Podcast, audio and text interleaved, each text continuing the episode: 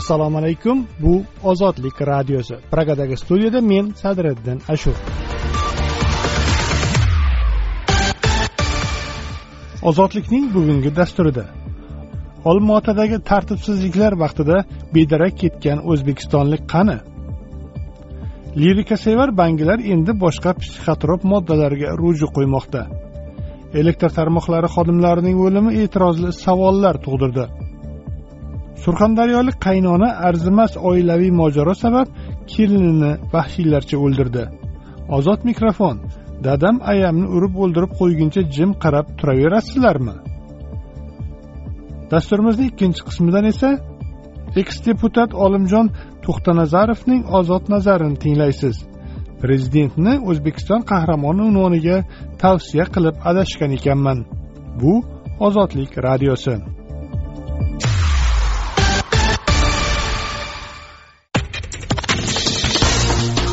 Dasturlarimizni ozodlik nuqta org sayti ozodlikning youtubedagi sahifasi android va apple telefonlari uchun ishlangan ilovalarimizda onlayn tinglashingiz mumkin.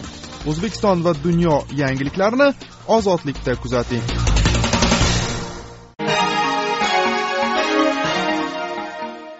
Ozodlik videolarini audio formatda tinglang.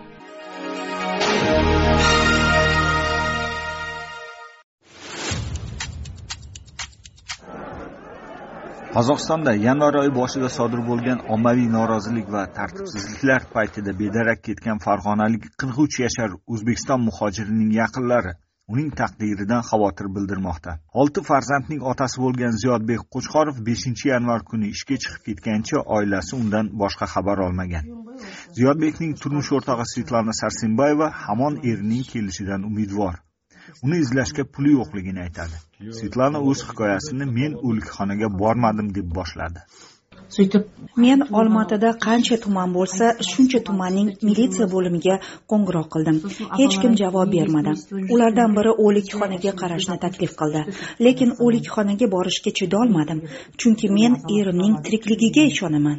Svetlana charchagan ko'rinadi u o'zini xotirjam tutishga harakat qilsa-da gaplashayotganda asabiylashadi sarosimaga tushadi. Farzandlarim otasini tushda ko'ribdi. Onajon otamning soqoli o'sib ko'zlari qizarib ketgan uyda gaplashib o'tirardi. Otam kelayotganini tushimda aniq ko'rdim deb o'g'lim xursand bo'lganiga nima deyishni ham bilmayman. Bola farishta xudo uni og'ziga solib qo'ydi. Bir kun kelib tirik qolar. Svetlana sarsenbayeva turmush o'rtog'i ziyojon qo'shqorovni yigirma kundan ortiq vaqtdan beri qidirmoqda.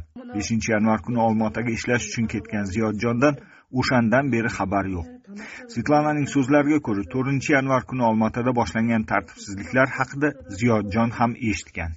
Ishga borma uyda yumush qilib tur desam quloq solmadi. Men kap katta odamman. Mening manzilim shaharning o'rtasida emas balki chekkada xavotir olma dedi. Ammo qalqaman mikrorayoniga yaqinlashganda qo'ng'iroq qilib bu yerda vahima bo'lib yotibdi dedida keyin gaplasha olmadik. Beshinchi yanvar kuni olmaota chekkasidagi qalqaman mikrorayonida to'polon bo'ldi. Ziyodjon beshinchi yanvar kuni tushdan keyin bir marta qo'ng'iroq qilgan ammo svetlana ham uning bolalari ham dastakni olishga ulgurmagan. Qayta qo'ng'iroqlarga ziyodjon javob bermadi. Yigirma ikkinchi aprel kuni qirq to'rt yoshga to'ladigan ziyodjon qo'chqorov o'zbekistonning farg'ona viloyati qo'qon shahri yaqinidagi yaypan qishlog'ida tug'ilib o'sgan. Ko'plab o'zbekistonlik mehnat muhojirlari singari ziyodjon ham qozog'istonga ikki qo'liga belkurak qidirib kelgan. U o'zi kabi mehnat muhojirlari bilan qurilishda ishlagan. Keyin esa asta sekin uyning ichki qismini bezatib doimiy biznesga aylantirib hayotini yaxshilay boshlagan. ikki ming oltinchi yili qizil o'rdalik svetlana bilan tanishib olmaotada turmush qurgan. Qonuniy nikohimizdan keyin u yiliga bir marta qaydga olinardi. Ishlab yurganida u qattiq jarohat oldi va ishlay olmadi. Lekin o'zbekistondagi tanishlari va qarindoshlarini taklif qilib ularga ish taklif qildi. Sog'lig'ini yo'qotgach ziyodjonning daromadi pasaya bordi to'ng'ichi endi 15 ga kirgan. Qolganlari 2009, 2010, 2012, 2015, 2020-yillarda tug'ilgan farzandlarini boqish oson bo'lmadi. Quruvchi bo'lsada har yili kvartira olish uy qurish bu oilaning orzusiga aylangan. Ko'p yillardan buyon ijarada turardik. Ko'p farzandli bo'lganimizdan bizga uyni berishni xohlaydiganlar kam. Tiq etsa uyni bo'shatib qo'yishni talab qiladi bir kuni qozog'iston diniy boshqarmasi huzuridagi xayriya jamg'armasi kam ta'minlangan ko'p bolali oilalarni uy joy bilan ta'minlaydi deb eshitdik. O'sha ro'yxatga tushganimizdan juda xursand bo'ldik. Xullas bu uyni xayriya jamg'armasi puliga sotib oldik. Darvozasi qiya o'ralgan uyning hovlisi keng. Kelajakda uy qurish uchun joy qoldirgani aniq. Ularning xayriya jamg'armasi puliga sotib olgan uyi uch xonali vaqtinchalik qurilmadan iborat. Dastlab bitta xona yotoqxona ikkinchisi esa yashash xonasi sifatida rejalashtirilgan. Ammo bolalar ko'payganidan keyin o'rtadagi oshxona yashash xonasiga qo'shildi. Devorlari mog'or bosgan xonaning oyoq osti zax borligi seziladi. Svetlananing emizikli bolasi bor. U o'zi ishlamaydi. Uning ishga kirish uchun ixtisosligi yo'q. Hozirda olti nafar farzand uchun nafaqa yetmish olti ming tengani tashkil etadi. Ular oyiga yana o'ttiz uch ming tenge kredit to'laydi. Qozog'iston hukumati ko'p bolali onalarga nafaqa berishni faqat ayollarning ommaviy noroziligidan keyin ikki ming o'n to'qqizinchi yilda boshlagan. Svetlananing aytishicha ziyodjonning o'zbekistonda qarindoshlari bor. O'zbek militsiyasi yaqinda farg'ona viloyatidagi qarindoshlarnikiga borib ziyodjon haqida savol javob qilibdi. Bizga qozog'istondan so'rov keldi shuning uchun keldik deb tushuntiribdi ichki ishlar xodimlari. Qozog'iston so'rov bergan bo'lsa ziyodjon omon eson degani. Ammo jinoyat qilmagan bo'lsa uni ozod qilish vaqti kelmadimi?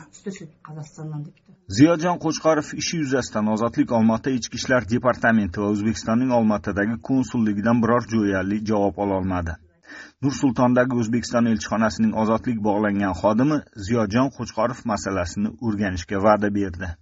Qo'chqorov masalasida biz ma'lumotni tekshirib ko'ramiz. Ertaga yigirma beshinchi yanvar kuni xodimimiz sizga aloqaga chiqib natijalar bo'yicha xabar beradi. Qozog'iston rasmiylari ikkinchi yanvar kuni mamlakat g'arbida boshlangan va ommaviy norozilik namoyishlariga hamda tartibsizliklarga aylanib ketgan voqealarda tashqi kuchlarni ayblagan. Prezident to'qayev hodisalarda markaziy osiyo hamda yaqin sharqdan kelgan qurolli jangarilar qatnashganini da'vo qilgan. Ammo hozirga qadar bu da'volarni tasdiqlovchi dalillar oshkor etilmagan. Qozog'istondagi terrorchilik harakatlarida ishtirok etish uchun yollangani aytilgan shaxslardan biri qirg'izistonlik musiqachi vikram ro'zaxunov bo'lib chiqdi. Qirg'iziston tashqi ishlar vazirligining norozilik notasi ortidan ro'zaxunov olmaotadagi hibsxonadan ozod qilinib vataniga yuborildi. Qirg'iz rasmiylariga ko'ra olmaotadagi hodisalar vaqtida qo'lga olingan va politsiya bo'limida qattiq kaltaklangan yana bir qirg'iz fuqarosi cho'lponbek siddiqov hozirda kasalxonada qolmoqda. Avvalroq o'zbekiston tashqi ishlar vazirligi qozog'istondagi voqealarga aloqadorlikda mamlakat fuqarolarining hibsga olingani haqida ma'lumot yo'qligini ma'lum qilgan edi. O'n yettinchi yanvar kuni qozog'iston chegarachilari jangovar o'qdan jarohatlangan o'zbekiston vatandoshini qo'lga olgani haqida xabar tarqatdi. O'zbekiston respublikasining olmaota shahridagi bosh konsulxonasi bu ma'lumotni rad etib qo'lga olingan shaxs o'zbekiston respublikasi fuqarosi emasligini bildirdi. Yigirma to'rtinchi yanvar kuni tashqi mehnat migratsiyasi agentligi qozog'iston poytaxtidagi vaqtincha saqlash hibsxonasida hujjatsiz ushlangan o'n yetti nafar o'zbekiston vatandoshlari saqlanayotgani to'g'risida xabar berdi. Qozog'iston o'zbekistonlik muhojirlar soni bo'yicha ikkinchi o'rinda turadi.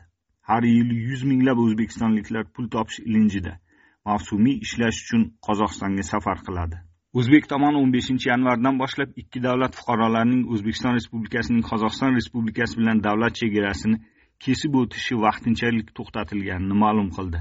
Cheklov koronavirus yangi shtammi omikron tarqalishining oldini olish maqsadida joriy qilingani aytilmoqda. Mamlakat g'arbida gaz narxlarining oshirilishidan boshlangan va prezident to'qayev davlat to'ntarishiga urinish deb ta'riflagan voqealarda rasmiylarga ko'ra kamida ikki yuz yigirma besh kishi halok bo'lgan. To'rt yarim mingdan ortiq odam jabrlangan. 10 mingga yaqin odam voqealarga aloqadorlikda gumon qilinib hibsga olingan. Yuzlab jinoyat ishlari qo'zg'atilgan. Rasmiylarga ko'ra hozirda 450 ga yaqin odam hibsda qolmoqda. Qozog'iston hukumati yevropa parlamenti deputatlarining xalqaro tergov o'tkazish haqidagi chaqirig'ini rad etgan. Ozodlikda matbuot sharhi.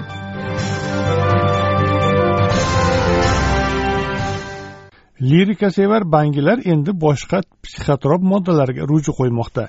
Elektr tarmoqlari xodimlarining o'limi e'tirozli savollar tug'dirdi. O'zbekistondagi eng bozori chaqqon aktyor gonorar kamligidan nolidi. Surxondaryolik qaynona arzimas oilaviy mojaro sabab kelinini vahshiylarcha o'ldirdi. Tugayotgan haftada mahalliy o'zbek matbuotida chop etilgan ayrim maqolalar mazmuni bilan sadriddin ashur tanishtiradi. Yigirma beshinchi yanvar kuni qozog'iston va qirg'iziston qatori o'zbekistonning aksar hududlari deyarli yarim sutka davomida elektr energiyasidan uzilib qoldi. Markaziy osiyo yagona elektr tarmog'ida yirik avariya uch mamlakatning qirq milliondan ziyod aholisiga ta'sir ko'rsatdi. Oliy majlis qonunchilik palatasi spikeri o'rinbosari alisher qodirov mazkur hodisaga munosabat bildirib mamlakatda avval kuzatilmagan transchegaraviy texnogen avariya oqibatida yuzaga kelgan energiya ta'minotidagi uzilishni bartaraf etishda davlat rahbaridan boshlab barcha mas'ul vazirlik va idoralar fidoyilik ko'rsatganini qayd etdi deb yozadi xabar uz viskonsin universiteti biznes maktabi doktoranti iqtisodchi behzod hoshimov esa bundan salkam yigirma yil oldin aqsh va kanadada ro'y bergan yirik energetik inqirozni yodga olgan o'shanda ellik milliondan ortiq aholi bir necha soat chiroqsiz qolgan edi. Mazkur hodisa ortidan aqsh kongressi energetik siyosatga doir qonun qabul qildi unda terrorchilik harakatlari kiberhujumlar va inson xatoliklari kabi elektr energiyasi uzilishining oldini olish choralari aks etgan. O'smirlar orasida psixotrop moddalar iste'moliga ruju qo'yayotganlar yana ko'paymoqda deb yozadi ishonch gazetasi. Dorixonalarga tanda qo'yayotgan mijozlarning aksariyatini o'n uch o'n to'rt yoshdagi o'smirlar tashkil etadi. Zamonaviy bangilar ilgari lirika doirasidan ko'p foydalangan bo'lsa endilikda kayfu safo uchun regapen va zardex psixotrop moddalariga murojaat etilmoqda.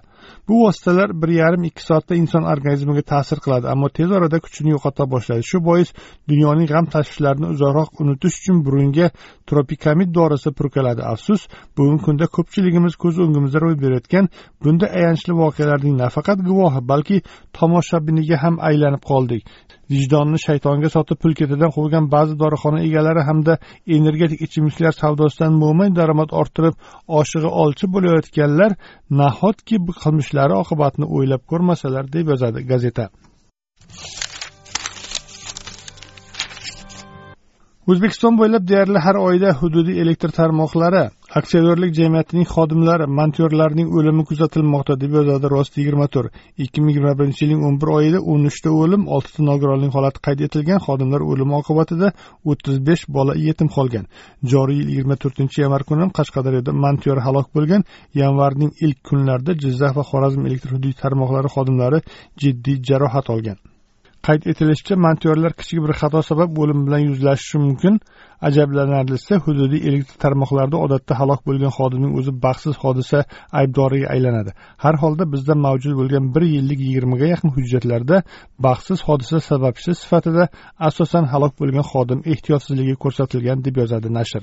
Xodimlarga ko'ra zarur asbob rezina qo'lqop va maxsus kiyimlar bilan o'z vaqtida va bepul ravishda ta'minlanish yetarli darajada emas. Qolaversa tarmoq xodimlari doimiy ravishda maoshi kamligidan noliydi.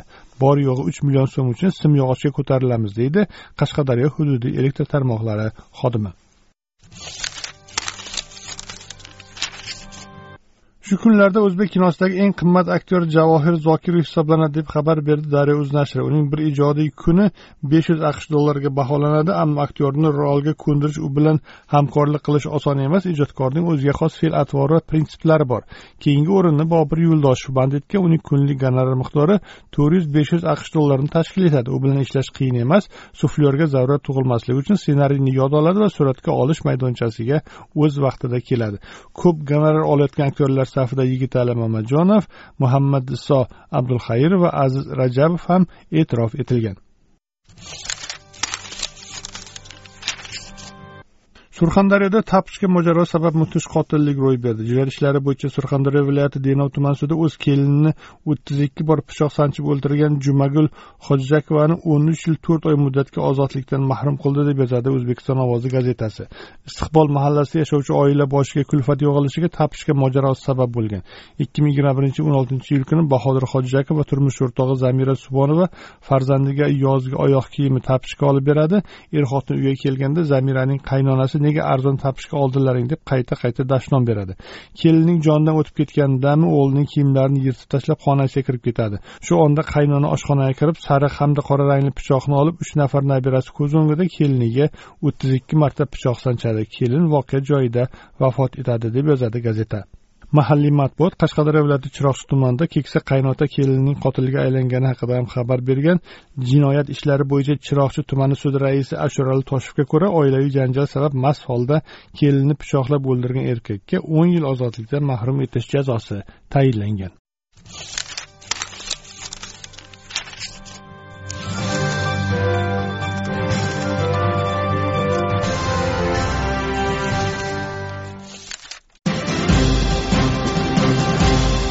Ozodlik radiosi xalqaro hayot. Bayden aqsh sharqiy yevropaga osonlik qo'shin yuborishini ma'lum qildi. Mavzu tafsilotlari bilan men usmon nazar. Aqsh prezidenti jo bayden qo'shma shtatlar yaqinda sharqiy yevropa va nato mamlakatlariga osonlik qo'shin yuborishini aytdi. Janob bayden bu qarorini rossiya ukraina chegarasi yaqiniga qo'shin tortayotgan bir paytda e'lon qildi. Yaqin kelajakda aqsh qo'shinlarini sharqiy yevropa va nato mamlakatlariga yuboraman. Juda ko'p emas dedi bayden 28 yanvar kuni. Aqsh mudofaa vaziri loyd ostin 25 yanvar kuni 8,5 ming askar sharqiy yevropaga jo'nab ketish uchun yuqori shaylik holatiga keltirilganini aytgan edi. Xabarlarga ko'ra ukraina chegarasidan bir necha o'n chaqirim narida taxminan yuz ming kishilik rossiya harbiy kontingenti jamlangan. Ostinning so'zlariga ko'ra ayni damda rossiya prezidenti vladimir putin ukrainaga qarshi harakat boshlashi uchun barcha harbiy imkoniyatlarga ega. Prezident putin bu kuchlarni ukrainaga qarshi qo'llash bo'yicha yakuniy qaror qabul qilganiga ishonmasakda hozir u bu qobiliyatga ega ekanligi shubhasiz dedi ostin jurnalistlarga. Kreml o'zining xavfsizlik kafolatlari bo'yicha talablari borasida aqsh va nato tomonidan yuborilgan yozma javoblarni o'rganib chiqishini va keyingi harakatlar to'g'risida qaror qabul qilishini ma'lum qilgan. Rossiya ukraina bo'yicha yuzaga kelgan inqirozni yumshatish uchun yevropa xavfsizlik tizimini tubdan o'zgartirishni talab qilmoqda. Xususan moskva ukraina va boshqa sobiq sovet mamlakatlari natoga qo'shilishiga yo'l qo'ymaslikni talab qilmoqda. Ammo aqsh va nato bu talablarni bajarishdan bosh tortib keladi. 28 yanvar kuni nato rahbari yens stoltenberg atlantika kengashi forumida nutq so'zlab alyans ittifoqchilarini ko'nglini xotirjam qilish hamda o'z qat'iyatini ko'rsatish yo'lida sharqiy yevropadagi ishtirokini kuchaytirishga tayyorligini ta'kidladi. Ayni damda stoltenberg hozirda rossiya ukrainaga bostirib kirishni rejalashtirayotgani muqarrar emasligini aytdi. 28 yanvar kuni aqshning moskvadagi elchisi jon sallivan vashington rossiyaning inqirozni diplomatik yo'l bilan yechish bo'yicha yozma takliflariga javobini kutayotganini aytdi. Elchi amerikalik va rossiyalik diplomatlar uchrashishiga umid qilishini qo'shimcha qildi. Sallivanning so'zlariga ko'ra diplomatiya yagona oqil yo'l ammo buning uchun rossiya ukraina chegarasi yaqinidagi qo'shinlarni olib ketishi kerak. Agar men stolga qurol qo'yib niyatim tinchlikni saqlash ekanini aytsam bu tahdid bo'ladi dedi sallivan sallivan shuningdek agar rossiya ukrainaga bostirib kirsa iqtisodiy sanksiyalar g'arb javobining faqat bir qismi bo'lishini aytdi. Uning so'zlariga ko'ra moskvaga qarshi eksport nazoratini kiritish yevropadagi ittifoqchilar mudofaasiga ko'proq e'tibor qaratish shimoliy oqim ikki tabiiy gaz quvuri ishini to'xtatish kabi choralar ham ko'riladi. Shuningdek aqsh rasmiylari rossiya swift global bank o'tkazmalari tizimidan uzib qo'yilishi mumkinligini aytishmoqda. Sallivan rossiya hukumati ukrainaga bostirib kirish niyati yo'qligini ochiqchasiga aytayotgan bo'lsada moskva amalda ko'rayotgan choralar bunga to'g'ri kelmasligini aytdi. Rossiya tashqi ishlar vaziri sergey lavrov rossiya radiostansiyalariga bergan intervyusida yaqin haftalarda aqsh davlat kotibi entoni blinken bilan muzokaralarning yangi bosqichini boshlash uchun uchrashishi mumkinligini aytdi. Ukraina prezidenti vladimir zelenskiy esa kiyevda jurnalistlar bilan suhbatda aholini sarosimaga tushirmaslikka chaqirdi. Hozirgi vaziyatni avvalgidan tarangroq deb hisoblamayman. Xorijda bu yerda urush boshlangan degan qarash tarqalgan. Aslida unday emas dedi u 28 yanvar kuni.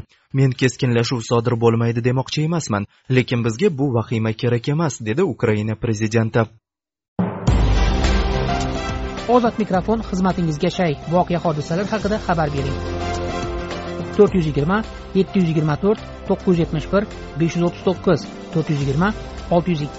612 713 dadam ayamni urib o'ldirib qo'yguncha jim qarab turaverasizlarmi? Surxondaryo viloyat denov shahar yangi hayot mahallasida yashaydigan yigirma uch yashar muqaddas zoirova ozod mikrofonga murojaat qilib ana shu gapni aytdi. Muqaddasning iddao qilishicha ichkilikka berilgan dadasi yillar davomida onasi va farzandlarini do'pposlab kelgan. Rahmsiz otadan jabr ko'rganlarning ichki ishlar bo'limiga mahalla raisi xotin qizlar bo'limiga qilgan murojaatlari hech qanday natija bermagan. Muqaddas zoirova bilan men sadriddin ashur suhbatlashdim. Esimni taniganimizdan beri o'sha uyda urush janjal bo'ldi. Shu uyni ustidan dadam chiqib ketdi bizni haydaydi qo'ni qo'shnilar ham guvoh necha marta nima qilishgan mahalla uchastkovoy ham kelgan.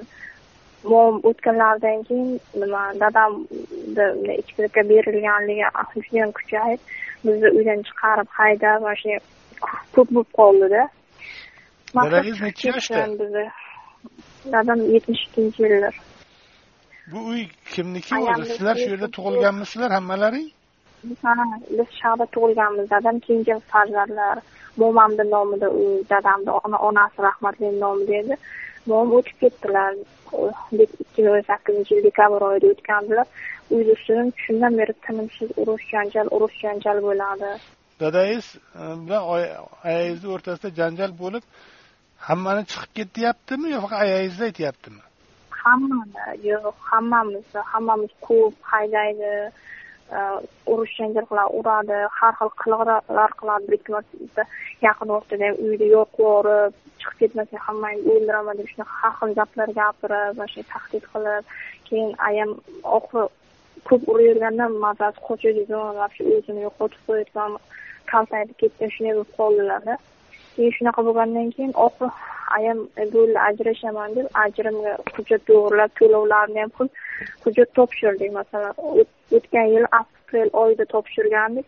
Shuncha sudga boramiz kelamiz boramiz kelamiz. Uni umuman natijasi bo'lmayaptida.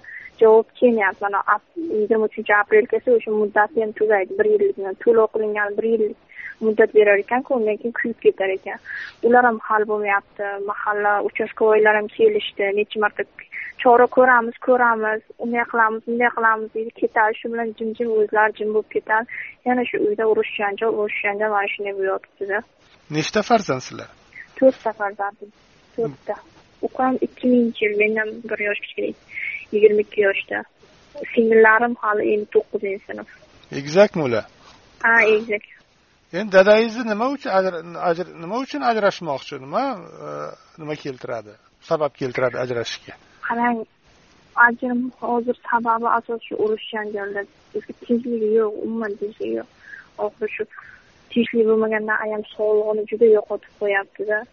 Bir daqiqa ham ayamni tashlab ketib bo'lmaydi yolg'iz tashlab ketib bo'lmaydi. Kelsak biron joyga sal chiqsak ham urgan nimadir qilgan pichoq ko'targan bolta ko'targan mana shunaqa holatda ko'chaga chiqishda yuragimiz ko'chaga chiqsak ham yuragimiz hovuchlab o'tiramiz.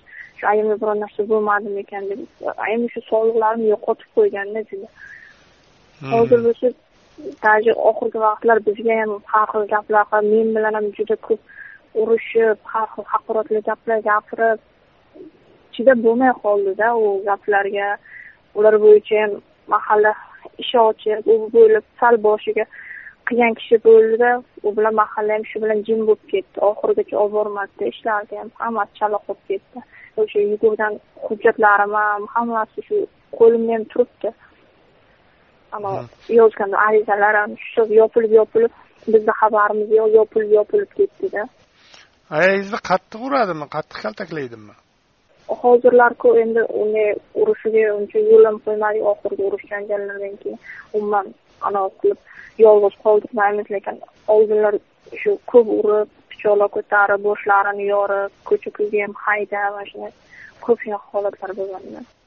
Ichki ishlar bo'limi nima deydi? Masalan uchastkovoylaring bor ular kelib nima deydi? Masalan aka qarang u narsa bo'yicha mana shu hozir sizga aytgan narsam bo'yicha ham ariza qildim ichki ishlarga ham prokuraturaga ham uchastkovoyimizga ham ariza qildim. Ariza bemalol ochilgandi. Meni xabarim yo'q. Biz endi shu ish bo'lyapti o'sha ish bo'yicha sudga chaqirish kerak. Lekin menga telefon bo'lyapti. Sudxonadan sizni o'rningizdan ariza yozilgan ish yopdi yopdi qilingan xabaringiz bormi deyapti. Men borib ko'ryapman. Men yozmaganman arizani o'zimizni mahallamiz uchastkovoy meni o'rnimdan ariza yozganda ishni yopdim bo'ldi biz tinch yashayapmiz oilamiz tinch dadam bilan yarashib ketdik deb deloni yopib yuborganda bilmayman nima uchun unday mahallamiz ham uchastkoyimiz ham aytyapmanku nima ishni boshlasam nima ishni qilsam o'sha narsani bizni xabarimiz yo'q bo'lgan holda yo yopib yuboradi yo shu bilan jim bo'lib ketadi deydi denov shahar yangi hayot mahallasida yashaydigan muqaddas zoirova. Ozod mikrofon tinglovchilarimizga o'z fikrini erkin ifodalashi uchun berilgan bir imkoniyatdir. Ozod mikrofon ruknida berilgan fikrlar uchun ozodlik radiosi tahririyati mas'ul emas.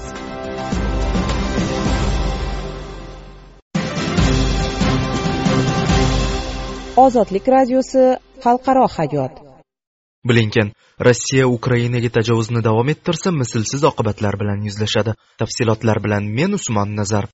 Aqsh davlat kotibi entoni blinken moskvani ukraina va g'arb bilan yuzaga kelayotgan inqirozni tugatish uchun diplomatiyaga chaqirar ekan. Agar rossiya ukrainaga bostirib kirsa buning keng ko'lamli oqibatlarga duch kelishini eslatib o'tdi. yigirma yettinchi yanvar kuni ozod yevropa ozodlik radiosiga bergan intervyusida blinken vashington haligacha kreml ukrainadagi vaziyatdan qanday chiqmoqchi ekani va yevropaning mavjud xavfsizlik tuzilmasini o'zgartirish borasidagi talablaridan nihoyiy maqsad nima ekanligini bilmaydi deb aytdi. Men kremlning yakuniy maqsadini ayta oladigan yagona inson bu rossiya prezidenti vladimir putin degan bo'lardim. Ehtimol uning o'zi ham hozircha aniq bir nima deyolmasligi mumkin. Chunki u azaldan iloji boricha o'zi uchun bir emas bir qancha variantlarni hozirlashni va bu orqali vaziyatni istagandek nazorat qilishga odatlangan. Bu uning yondashuv uslubi dedi blinken. Bir kun oldin aqsh rossiyaning avvalroq ikkita shartnoma loyihasi shaklida e'lon qilingan ultimatumlarga javoban o'z takliflarini yozma ravishda taqdim qildi. Rossiyaning yevropada yadro qurolini joylashtirishga yangi cheklovlar kiritish va boshqa bir qancha masalalarni ham ko'zda tutuvchi takliflari aqsh va uning yevropadagi ittifoqchilari tomonidan umumiy norozilik bilan kutib olindi. Shu oy boshida aqsh nato rossiya va yevropa diplomatlari jeneva bryussel va venada uchrashib ukraina masalasida uch raundlik oliy darajadagi muzokaralar o'tkazdi. O'shanda moskva o'zining ikkita loyihasini taqdim qilish bilan birga aqsh va natodan yozma javob ham talab qilgan edi. Yigirma oltinchi yanvar kuni aqshning moskvadagi elchisi vashingtonning yozma javobini rossiya tashqi ishlar vazirligiga topshirdi. Ushbu javob mazmuni nimadan iboratligi oldindan ma'lum emas edi. Ammo bir muddat o'tib rossiya tashqi ishlar vaziri sergey lavrov rossiya axborot agentliklariga bergan salbiy izohlardan aqshning yozma javobi moskvaga xush kelmagani ko'rindi. Kreml matbuot kotibi dmitriy peskovning aytishicha putinning ham bunga yozma izohlari borligini ma'lum qilgan. Albatta loyihani obdon tahlil qilish va yakunda maqbul qarorga kelish uchun prezidentimizga vaqt kerak. Ko'ramiz bu qanday bo'lishini deya peskovning so'zlarini keltirgan tass axborot agentligi. Videoaloqa shaklida o'tkazilgan intervyuda blinkenning so'zlari rossiya tahdidi borasida aqsh va ukrainaning yondashuvi umumiy ekanligiga ishora qildi. So'nggi haftalarda ukraina prezidenti vladimir zelenskiy aqshning harakatlaridan biroz noroziday ko'rindi. U e'lon qilgan ikkita videoda odamlarni vahima qilmaslikka chaqirgan. Shu hafta boshida oq uy matbuot kotibi jan psaki jurnalistlarga bosqin yaqinlashayotganini aytgan edi. Albatta prezident zelenskiy haq vahima qilmaslik kerak. Hech kim vahima qilayotgani ham yo'q. Biz faktlarga qarayapmiz o'z hisob kitoblarimizga ko'ra harakat qilyapmiz va biz moskvaga uning oldida ikki yo'l nizolarni tinch hal qilish uchun diplomatiya va muloqot hamda agressiya yo'li borligini agar u agressiyani tanlasa buning oqibatlari jiddiy bo'lishini anglatish uchun qo'limizdan kelgan barcha ishni qilyapmiz. Biz ikkala yo'nalishda ham ish olib boryapmiz va rossiyaning har qanday tanloviga hozirlik ko'ryapmiz degan oq uy matbuot kotibi. Aqsh rasmiylari moskvaga qarshi qanday jazo choralari ko'rilishi mumkinligi haqida ba'zi signallarni ochiqladi. Bular rossiyani swift global bank to'lov tizimidan uzish yoki rossiyaga yuqori texnologik mahsulotlar eksportini taqiqlash choralari bo'lishi mumkin. Oq uyning ma'lum qilishicha rossiya chegarasiga yaqin nato ittifoqchilari hududiga ko'proq aqsh harbiylarini joylashtirish masalasi ham muhokama qilingan. Blinken mislsiz oqibatlar aynan qanday bo'lishiga va aqshning yozma javobiga batafsil to'xtalishdan bosh tortdi. Biz ularning xavotirlarini tingladik. O'zimizning shuningdek yevropadagi ittifoqchi va hamkorlarimizning chuqur xavotirlarini bayon qildik dedi u. Diplomatlar donbassda o't ochishni to'xtatishni ko'zda tutuvchi minsk kelishuviga qaytishga harakat qilmoqda. Shartnoma uning mazmuni va amalga oshirish jarayoni borasida yagona to'xtamga kelinmagani sababli uzoq vaqtdan beri to'xtab qolgan edi. Yigirma oltinchi yanvar kuni fransiya germaniya rossiya va ukraina diplomatlari parijdagi muloqotda fevral oyi o'rtalarida berlinda yana muzokaralar o'tkazishga kelishib oldi. Blinken minsk kelishuvlarini hamda fransiya germaniya rossiya va ukraina ishtirokidagi normand formatidagi muzokaralarni ma'qullagan. Biroq u moskva yaxshi niyat bilan muzokaralar olib bormayotganini ham qo'shimcha qilgan. Vijdonan aytganda hech bir tomon hali shartnomada talab qilingan majburiyatlarni qilishga kirishmagan bo'lsada ukrainaga qaraganda ko'proq rossiya bu kelishuvlardan voz kechdi. Ushbu shartnomalarda talab qilinadigan narsalar bo'yicha deyarli hech narsa qilinmagan dedi blinken. Ozodlik whatsapp va telegramda plyus to'rt yuz yigirma yetti yuz yigirma to'rt to'qqiz yuz yetmish bir besh yuz o'ttiz to'qqiz. Plyus to'rt yuz yigirma olti yuz ikki olti yuz o'n ikki yetti yuz o'n uch. Marhamat bizga bog'laning.